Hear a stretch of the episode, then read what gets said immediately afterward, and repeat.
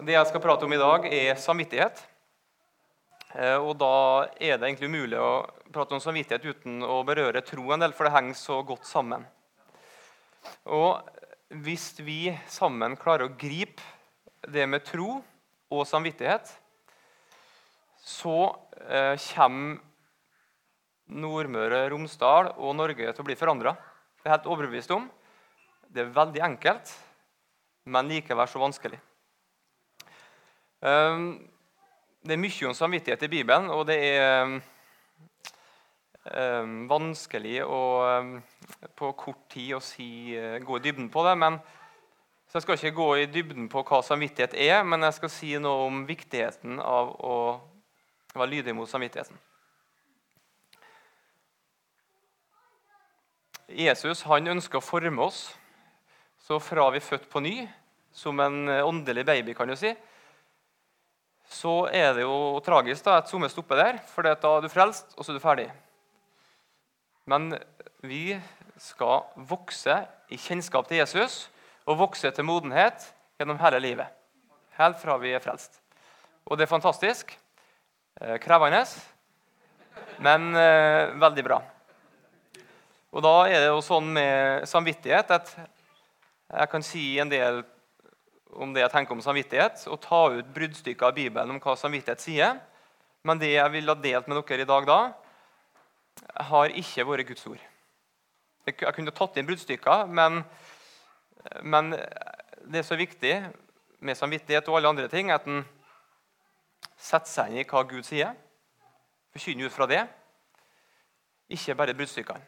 For da får du et skeivt bilde og mm, feil, eh, en feil forståelse. Så Jeg skal prøve etter beste evne å trekke ut det som Bibelen sier om samvittighet, som i hvert fall det jeg vil fokusere på i dag. Livet med Gud det er et liv i forandring. Det er ikke et statisk liv. Så både i Kristiansund og her i Fræna og omegn så jobber Gud. Det er, helt, det er helt sikkert. Det er ikke, ikke noe grunn til å tvile på det så er det mange grunner til at ting ikke går som vi tror, og at ting ikke har fremgangen som vi ønsker. Men Gud jobber. Og da gjelder det da å være innenfor Gud og la oss forme og la Han lede oss, sånn at vi er der Gud er.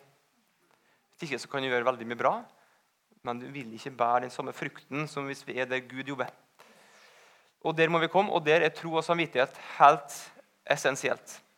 Og Griper vi det her, så kommer ikke bare våre liv til å være forandra, men alt rundt oss blir forandra. Jeg har noen bøtter med vann her, så jeg skal bare hente.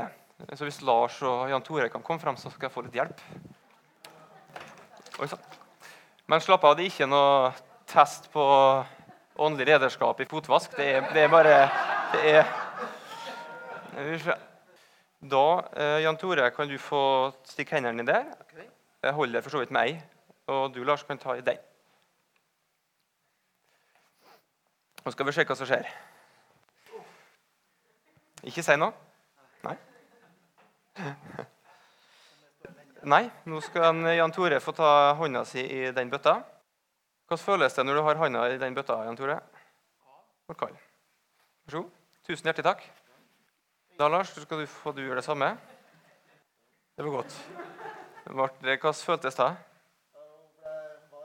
Varme. Ja. Det er alltid godt. Noen vil synes det er godt med kaldt, og noen synes det er godt med varmt. Tusen hjertelig takk.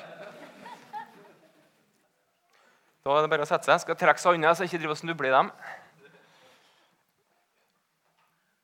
Eh, poenget var bare at den bøtta som Lars hadde, den var iskald. Den bøtta som Jan Tore hadde, var ganske så varm.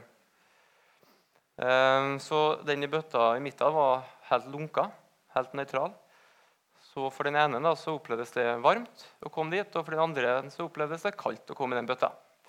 Bare for å illustrere det at uh, Utgangspunktet vårt har mye å si.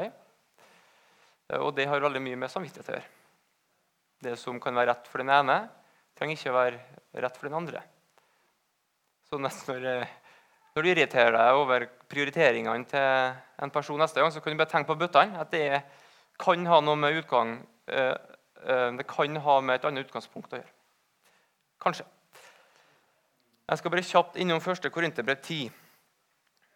For der står det fra vers 23. Jeg har lov til alt, men ikke alt tjener til det gode. Jeg har lov til alt, men ikke alt bygger opp. Ingen må søke sitt eget beste, men den andres beste. Alt kjøtt som selges på torget, kan dere spise med god samvittighet og uten å spørre hva det er. For jorden og det som fyller den, hører Herren til. Hvis ikke-troende inviterer dere, og dere sier ja til å komme, så spis også da med god samvittighet alt som blir satt fram, uten spørsmål. Og så Gud sier, 'Det er skapt. Bruk det Nyt det og kos dere med det. 10 23, eh, kapittel 10 fra vers 23. Men om noen sier 'dette er offerkjøtt', så spis det ikke, av hensyn til den som sa det, og for samvittighetens skyld. Jeg mener da den andre samvittighet, ikke din.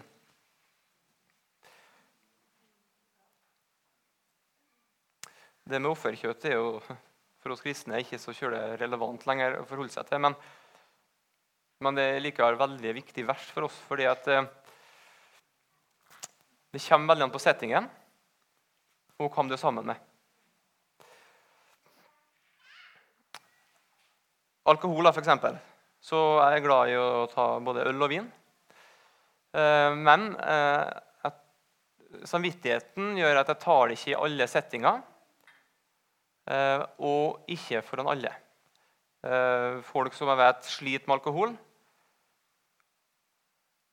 da tar ikke jeg meg et glass. Er det jobbsammenheng eller andre ting hvor det er full, full fest, så gjør jeg det heller ikke. Um, men det betyr ikke at det trenger å være feil for andre, men for meg så er det sånn. Um, så Poenget med de versene her er bare det at min, mitt valg i en situasjon trenger ikke å være det samme som Jan Tore sitt valg. Så når Lars sier at det oppleves varmt, og Jan Tore sier at det oppleves kaldt, så er begge det rett. For de har ulikt utgangspunkt.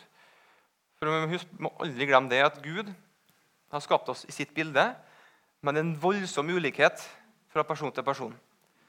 Det gjør at valgene vil være ulike. Forhåpentligvis så vil det gjøre en menighet fargerik og brei i uttrykket, fordi at folk får lov å leve, ut, leve livet sitt sånn de er skapt. For eksempel, hvis eh, det kommer en til meg nå og spør jeg skal male huset mitt i sommer. Kan du hjelpe meg? Det kan være rett å si ja, og det kan være rett å si nei. Kommer an på utgangspunktet. Jeg har tre unger. Jeg skal skifte tak. Jeg skal rive ei pipe. Jeg har en kone som har en hånd som fungerer dårlig for tida. Jeg har mange ting som gjør at jeg, hvis noen har spurt meg om det nå, så har jeg sagt nei. Forhåpentligvis. Hadde jeg sagt ja, så tror jeg ikke det hadde vært bra. Eh, hvis jeg blir spurt om to år, da, f.eks. Hvor ungene er blitt litt større, jeg har ikke noen store planer for sommeren, så kanskje det er rett å si ja. Men det er ikke behovet til den som spør meg, som skal bestemme det. Det er samvittigheten, hva jeg tror for, som styrer det. Og Da kan det av og til være vanskelig og Kanskje kan det være lurt å bare tenke seg litt om først før en svarer. For mange av oss er litt ja-mennesker. Og så sier vi ja når vi ikke skulle ha gjort det. Uh, ferskeste eksempelet til oss da var når Turid kutta seg fingertuppen. nå. Så var det skal jeg gå på jobb eller ikke. Samvittigheten sier at jeg skal være på jobb. Samvittigheten sier òg at jeg skal være hjemme. Veldig følsom på det.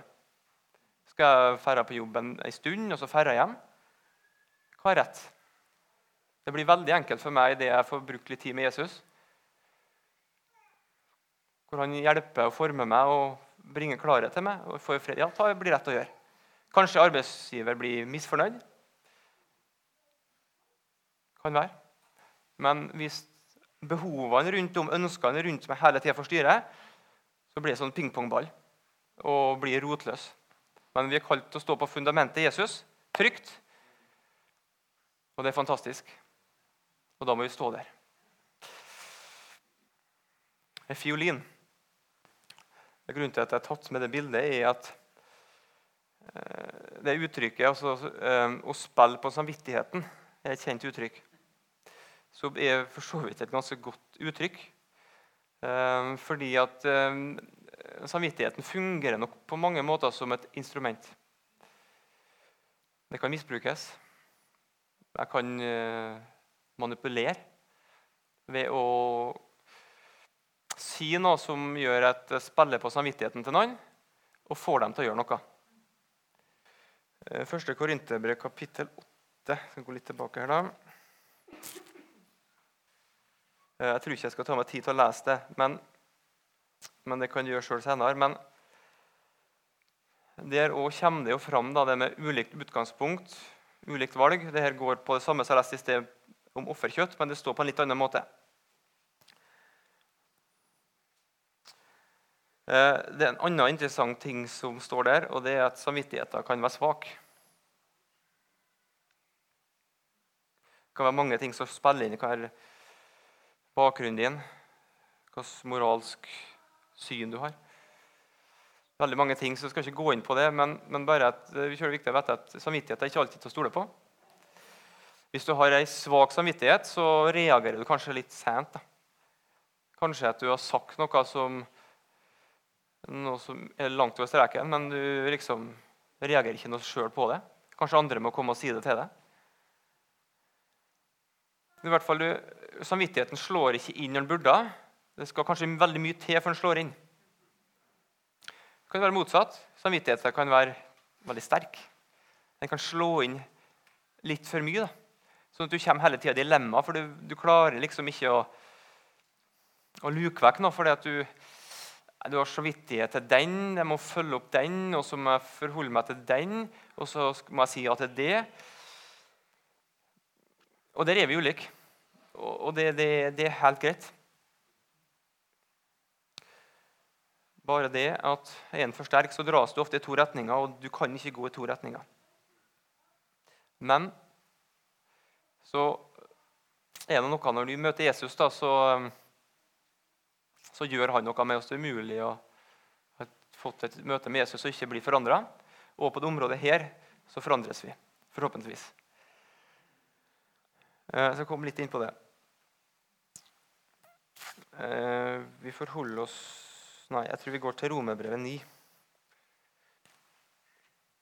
Jeg skal kun lese første verset der. Jeg taler sannhet i Kristus. Jeg lyver ikke. Min egen samvittighet bekrefter det i Den hellige ånd. Det Paulus forkynte og sa, opplevde han var rett. Han vika aldri av på det grunnleggende viktige. Og Han sier flere ganger samvittighet bekrefter det. Men her står det 'i Den hellige ånd'. Samvittigheten sitter ikke i hodet. Når vi får dårlig samvittighet, så er det ikke først og fremst hodet vi kjenner, men mage- og Det er helt liksom det slår oss. Bibelen snakker om hjertet. Bibelen snakker om samvittighet. Og Bibelen snakker om Den hellige ånd som bor i hjertet vårt. Det er ikke noe viktig å, å, å skjønne så kjølig mye om alle de tingene her. Det som er viktig, er jo det er noe inni her som vi skal ta hensyn til, som vi sjøl må styre. Sånn at Den hellige ånd og samvittigheten er ikke uavhengige av hverandre. Og Da er det fantastisk at om vi har sterk samvittighet, om vi har en svak samvittighet, om vi har en uh, samvittighet som er helt der borte Så når Den hellige ånd kommer inn, så kan den forme sånn at samvittigheten blir et godt instrument som er finstemt, slår til når hun skal. Men det krever jo da at Den hellige ånd får jobbe i oss, som på alle andre områder. Jeg skal gå litt lenger tilbake i romerbrevet. Eh, vi går til kapittel 2. Jeg skal bare lese vers 15. Det blir litt sånn bare enkeltvers, for det tar for lang tid å lese helheten her. Eh, der står det da at lovens krav står skrevet i hjertet vårt. Om det vitner også samvittigheten når tankene anklager og forsvarer oss. Lovens krav skrevet i hjertet. Vi er ikke styrt av et ytre sett med regler, fordi det bor her inni. For når vi er født på ny, så får vi en ny natur som ikke er syndig lenger. Vi synder av og til, kanskje, men naturen i oss er fra Gud, og den vil gjøre Guds vilje. Den vil ikke lenger gå etter det som står Gud imot. Og da har det jo med samvittigheten å gjøre. Hjerte, Hellig ånd, samvittighet osv. Indre. Ja, jeg får nevne det, da. Eh, jeg må nesten nevne fred her nå.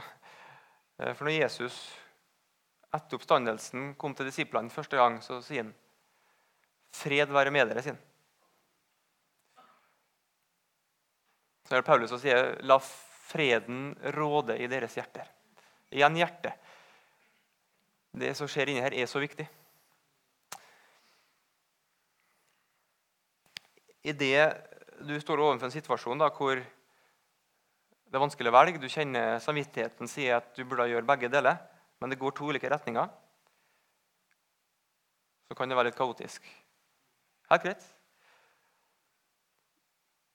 Legg det fram for Jesus så han får komme med sin fred. Så kan du bare kjenne freden kommer for én av tingene. Gjør det ikke, så må han bare ta et valg. Men ofte så tror jeg det gjør det. Da kommer freden, men det, må bare sette av litt tid til det. Ikke svare for fort. Så kommer freden. Å, tar jeg fred for. Tar jeg tru for nå. Og så kjenner du at du har god samvittighet for det du velger. Så har du god samvittighet til å si nei til det du ikke velger. Går du i kirken? Jeg har skrevet. Det, det er litt sånn karikert. Men likevel. Eh, det er kirkebygg, og så det en person. Hvis menighetsbildet er det her, så er det en person da, som går inn i et bygg. Er det ikke folk der, så er det ikke noe kirke i hele tatt. Det er et bygg som brukes som kirke. Du kan sitte, og så får du noe som kan være kjempebra. Og så går du. Av og til. Det er helt vanlig menighetsforståelse for mange. Her um, er det som jeg tror uh, Bibelen snakker om når det gjelder menighet. Du har Jesus som fundamentet Hvis ikke fundamentet der, så vil ikke alle vi som er der, ha noe sjanse. Vil ikke ha noe fundament å stå på. Eh, og det blir ikke noe menighet. Det blir en klubb ut av det som ikke har noe med Gud å gjøre i hele tatt. På det første bildet kan det være, jeg sier kan det være, for det er ikke sikkert det er sånn, men jeg tror det kan være sånn at du er, opplever deg som en liten brikke som kommer og får noe, men du føler likevel på utsida av det Gud gjør. Jeg sier 'kan', for det fins mange unntak. Hvis jeg tar ut en person der nå, fra den gjengen her, så mangler det noe.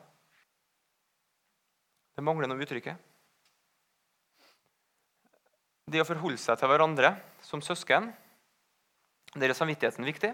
Og det å forholde seg til Jesus er kjempeviktig. Så det er det noen som eller veldig mange i Norge, som ikke tror. Men de liker verdiene. Og det er jo bra. Kjempebra. Men det er ikke grunnlag for noe kristenliv at du liker verdiene. For dette er ikke fundamentet Jesus lagt. For det som hebreerbrevet prater om, de sju tingene som er grunnleggende, som må være på plass helt tidlig i kristenlivet, som da tro, og, tro er med dem Hvis ikke det er det trua på Jesus ligger der, så har du ikke noe fundament å stå på.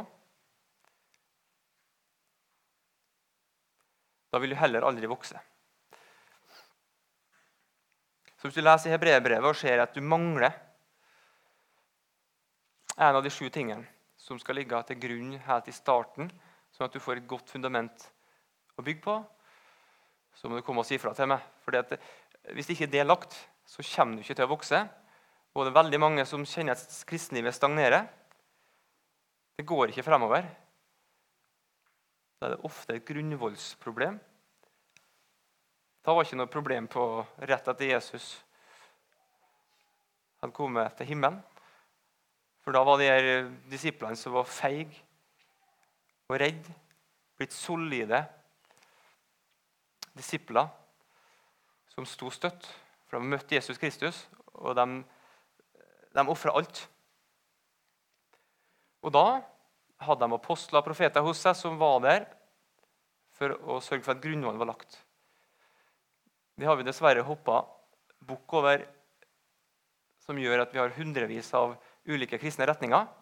Men Gud holder på å gjenreise, og vi skal se et folk som står samla og er ett når Jesus kommer igjen.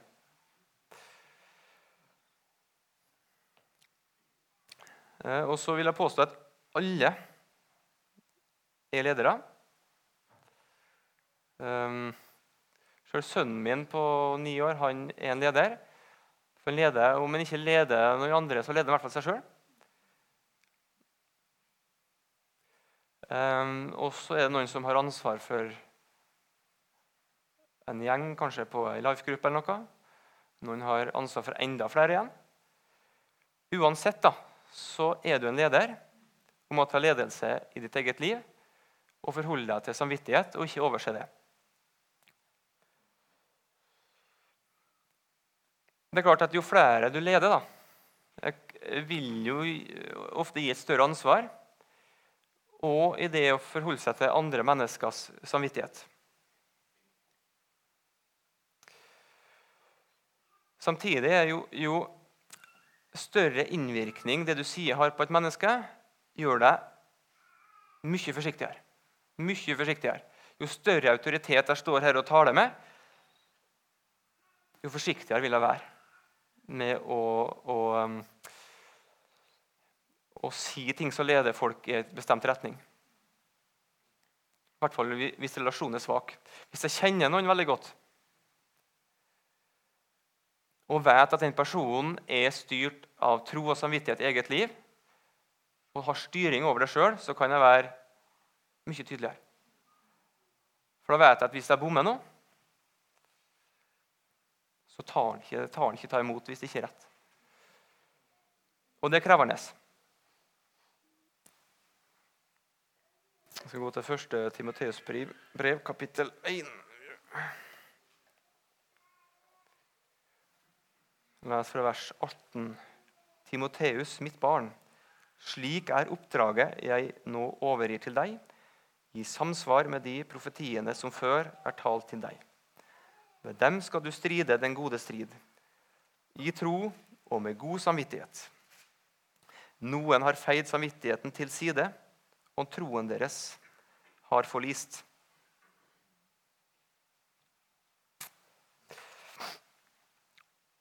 Det kan ikke sies klarere egentlig hvor viktig samvittigheten er.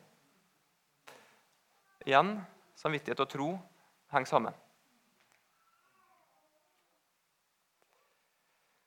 Eh, når Paulus ga dette oppdraget til Timoteus, så ser du bare på de versene her at han er veldig nøye med at det oppdraget er i forhold til samvittigheten til Timoteus og nåden hans. Hva har han å gi? Hva har han fra Gud å gi? Paulus ville aldri sendt han på en oppdrag som ikke han hadde nåde fra Gud til å gjennomføre. For det ville ikke bære frukt. Det er det han sier i vers 18 her. Fordi det er i tråd med de profetier som er talt over livet til Timoteus, blant annet. Så det er ikke noe mismatch her mellom oppdraget og det som ligger i Timoteus.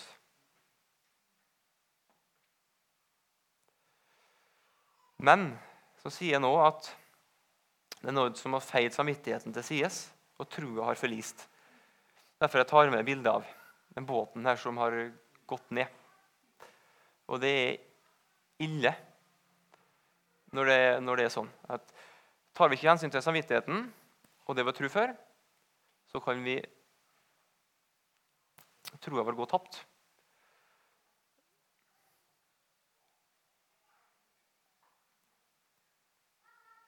Men vi lever i tro og med god samvittighet og ender ikke opp der. Her ser vi en konsekvens av en samvittighet som ikke er hensyntatt. Den øversten her er fra det som starta hele rabalderet, fra den VG-serien som het 'Frelst'. Som det var, det var ei jente som kritiserer det hun måtte gå gjennom, som hun ikke mente var bra. Rett nedom så er det noe fra den sammenhengen jeg kommer fra, kristent fellesskap, hvor det er en som kritiserer det en har vært med på. Og en del ledere for eh, ja, maktmisbruk og ulike ting. Og så har du kanskje det nyeste da, med Hillsong. Det handler om samvittighet. Sjøl om den nedersten til venstre kommer fra min egen sammenheng, noe jeg har vært en del av, helt uproblematisk for meg å, å ta det opp. For alt skal være åpent. Vi, det, vi har ingenting vi skal skjule. Men vi må bare være ærlige på det som er bra og ikke bra. Det er ikke verre enn det.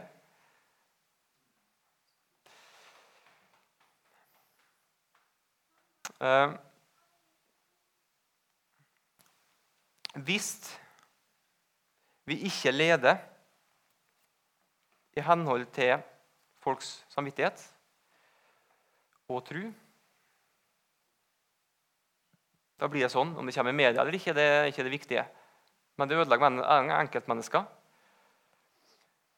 Og det trenger ikke å være en eneste feil som er gjort av en eneste leder før du ender opp her. Trenger ikke det. Men det kan det være.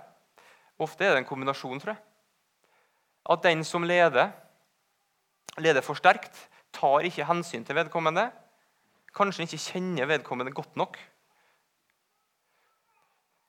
Men det er ofte, eh, alene så er ofte ikke det nok. Du må ha, ha en på den andre sida som blir leda.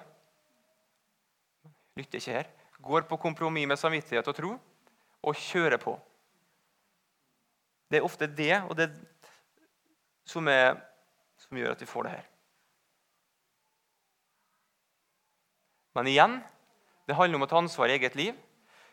Det handler om å få hjelp til å legge et godt fundament til å stå på, som gjør at trua er så sterk. Du lever så frist i Den hellige ånd at du justerer deg etter det Gud vil, ikke det alle mennesker rundt vil.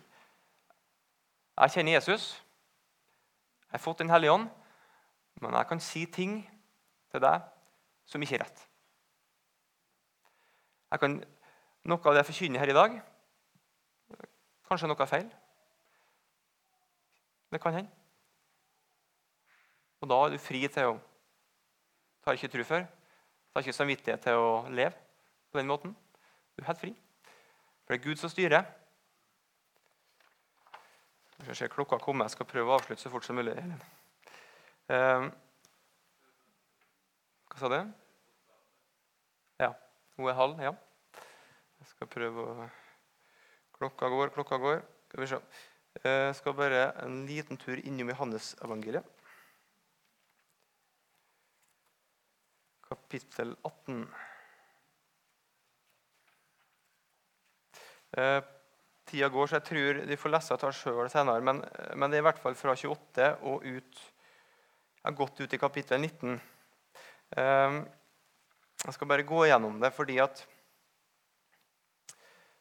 når jødene kommer med Jesus med anklagene, så er det mange ting her som peker mot at Pilatus han er ikke interessert i å gjøre noe mot Jesus.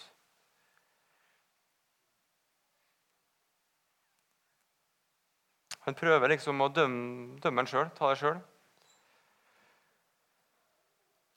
Um, ehm, han prøver å gi en fange fri.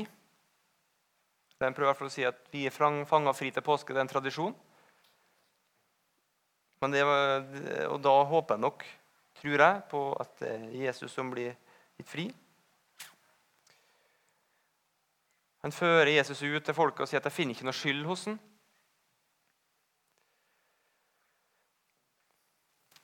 Bildet er fordi at det står om det Lukas-evangeliet, hva det står i hvert fall at Paul, Pilatus vasker hendene sine. Han er ren. Han er skyldfri. Det var noe i Pilatus her som gjorde at ta ikke rett. Men likevel så går han på kompromiss med det han kjenner er feil, og sier at OK, bare ta han. Han skal korsfestes. Det er et eksempel på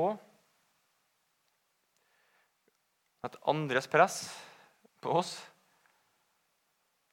får styre kontra det vi tror på sjøl.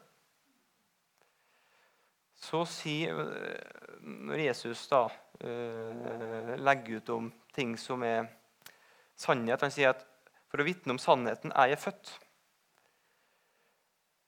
Og Så sier Pilatus, 'Hva er sannhet?' da, sier han. Og hadde Pilatus visst da hvem som sto framfor han, han som er veien, sannheten og livet, så hadde han jo fått sannheten der og da. Men han sier, hva er sannhet? Det er en mann som ikke vet hva sannhet er. Men Jesus er sannheten. Så Når jeg prater om samvittighet her nå, så betyr ikke det at vi skal være ikke forkynne klart og tydelig og være tydelige med folk på det Guds ord sier. For det er veldig mye, alt, alt, som er viktig, er Bibelen veldig tydelig på. Og vi trenger ikke å være forsiktige med det.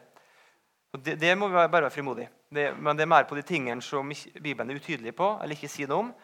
Der skal vi være litt forsiktige. Eh, av og til rett å si noe, av og til ikke rett å si noe. Av og til kanskje vi skal være stille spørsmål. Men det Bibelen sier, det må vi bare være frimodige på. Eh, Menigheten er sannhetens støtte og grunnvoll, sier Bibelen. Det betyr at hvis vi ikke legger frem sannheten, så er ikke vi en menighet på den måten som Gud vil skal være. Menigheten er en bærer av sannheten. Og det er sannheten som skal ut til folk og sette folk fri. Så, så den, den, Der trenger vi ikke være veldig forsiktige. Heller tvert imot. I Norge så er vi nok for forsiktige. Uh, og når, når, når, det gjelder hva, hva, som, uh, hva, som, er rett å si, og sånn, så er det ulike meninger på en del ting, kanskje. Men, men uh, vi tror på lederskap. og Bibelen er tydelig på at vi trenger lederskap. Og, og når, da er det et eldsteansvar å, å sette retning for hva, hva som er rett og ikke. Skal vi se, får haste videre til en Paulus. Eh, Apostelens gjerninger 23. Fra vers 1. Paulus så rett på rådet og sa, 'Brødre, med helt god samvittighet har jeg levd mitt liv for Gud frem til i dag.'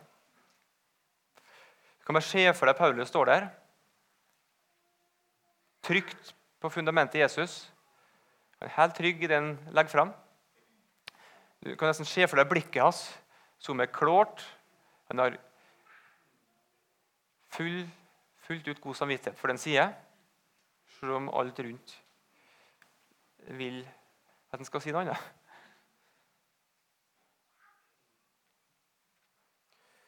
Videre i 24, kapittel 24, vers 16. Derfor bestreber jeg meg på alltid å ha ren samvittighet for Gud og for mennesker.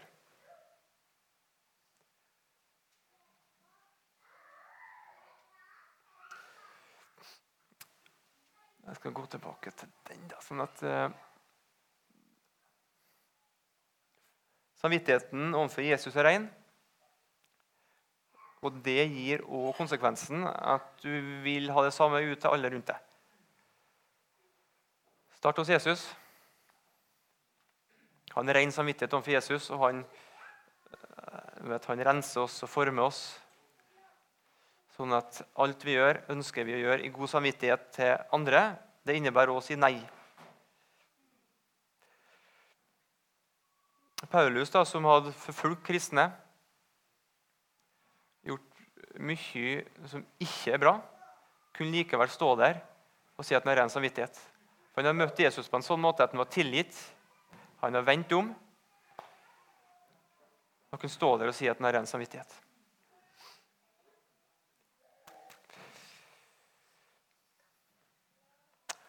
Skal vi se, Jeg vil bare ta ett bibelvers til slutt. Vi skal til andre korinterbrev.